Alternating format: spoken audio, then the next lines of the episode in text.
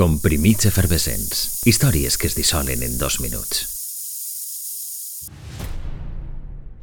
Està considerat un dels esforços científics més importants de la història, a l'altura de l'arribada a la Lluna o l'escissió atòmica.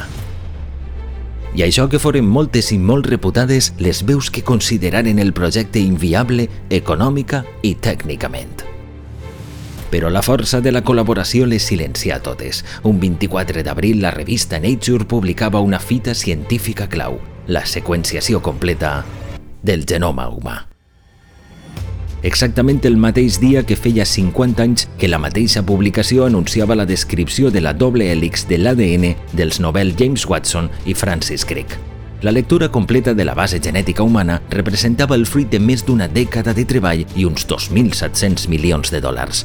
Una xifra impactant, però encara resulta més sorprenent saber que tota la investigació queda per davall del pressupost inicial i que es completa dos anys abans del que estava previst. No obstant, per a completar el llibre d'instruccions genètic hagueren de treballar de valent i coordinats científics nord-americans, britànics, alemanys, francesos, japonesos i xinesos.